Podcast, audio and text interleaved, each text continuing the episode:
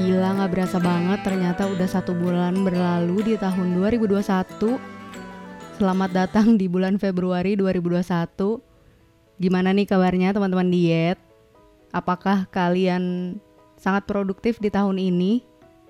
Apalagi jika kalian adalah orang-orang yang sangat ambisius dan punya banyak goals dan target Punya beberapa resolusi yang harus dicapai di tahun ini atau mungkin di setiap tahunnya gue yakin kalian bisa sangat produktif.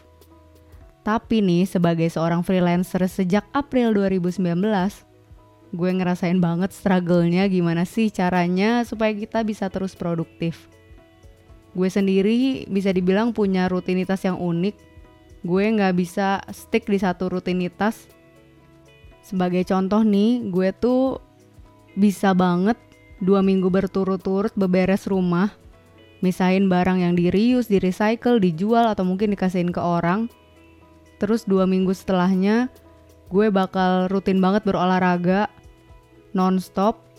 Terus dua minggu setelahnya lagi gue bakal non-stop nulis dan dua minggu setelahnya lagi gue bakal non-stop membaca.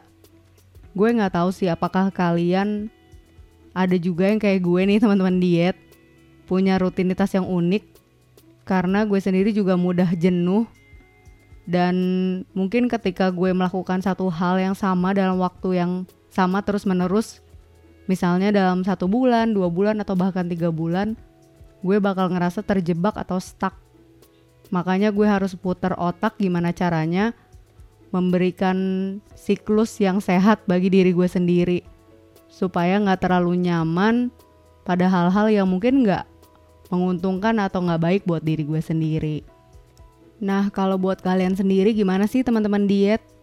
Gimana caranya kalian menjaga diri kalian supaya bisa tetap produktif? Mungkin buat kalian yang terbiasa kerja dari kantor WFO, gampang kali ya. Gimana caranya kerja produktif semaksimal mungkin, nggak banyak main handphone.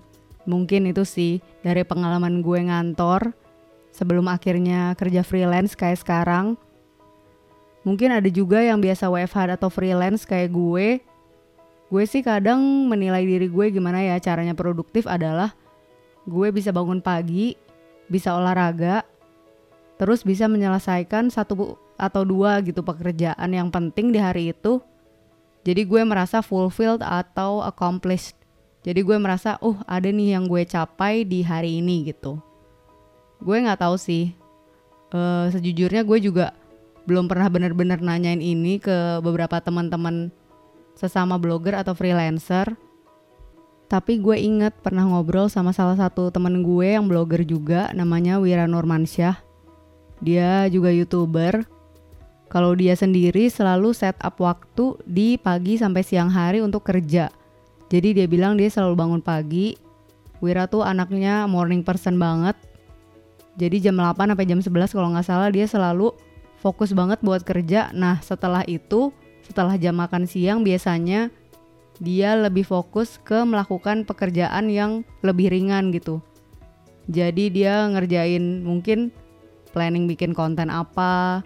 Sementara kalau pagi mungkin lebih fokus ke konten-konten yang ada deadline-nya. Gue nggak tahu sih yang mana yang paling baik, tapi yang gue tahu cuma diri gue aja, diri gue sendiri aja yang paling tahu mana sih aktivitas atau rutinitas yang paling sesuai untuk diri gue sendiri supaya gue bisa tetap produktif. Jujur karena gue orangnya cukup mudian, agak sulit juga sih memang untuk menentukan rutinitas yang paling sesuai buat diri gue sendiri. Tapi ketika gue bisa sangat produktif, gue bakal geber. Jadi kadang nih kayak sebelum-sebelumnya gue bisa rekam podcast 2 sampai 3 episode per hari tapi kalau misalnya lagi mager banget, bisa pas di hari hanya doang gue rekam podcast. Tiap orang kan memang beda-beda juga ya, dan gue ngerasa sih nggak ada yang salah atau yang bener. Selama kita ngerasa happy sama hasilnya, dan ngerasain itu memang paling cocok untuk diri kita sendiri. Nah mungkin yang paling sulit adalah gimana caranya nih kita nggak mikirin tanggapan orang lain.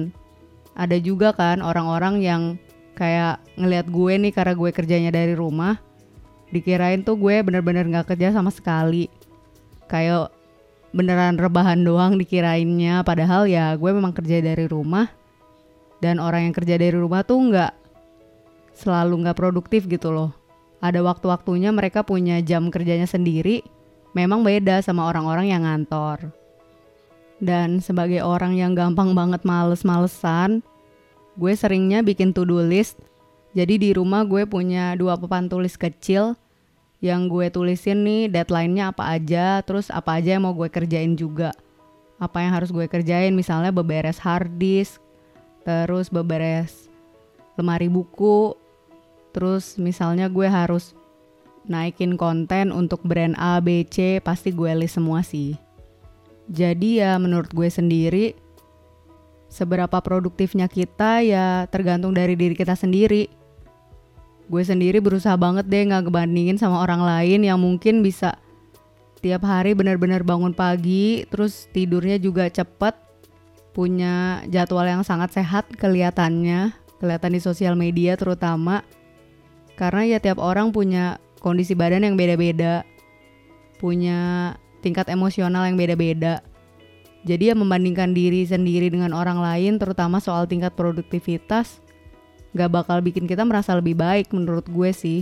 Karena cuma kita yang tahu gimana nih diri kita sendiri, gimana caranya supaya kita bisa produktif dan tentunya bisa tetap happy.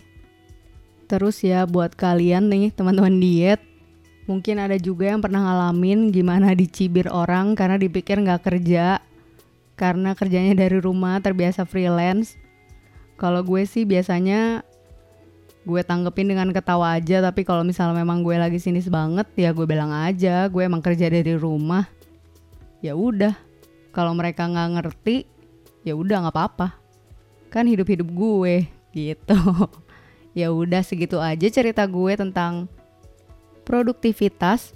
Semoga kita selalu sehat dan bahagia ya teman-teman diet Thank you for listening. Sampai ketemu di episode podcast Cerpin selanjutnya setiap Senin, Rabu, dan Jumat. Bye bye.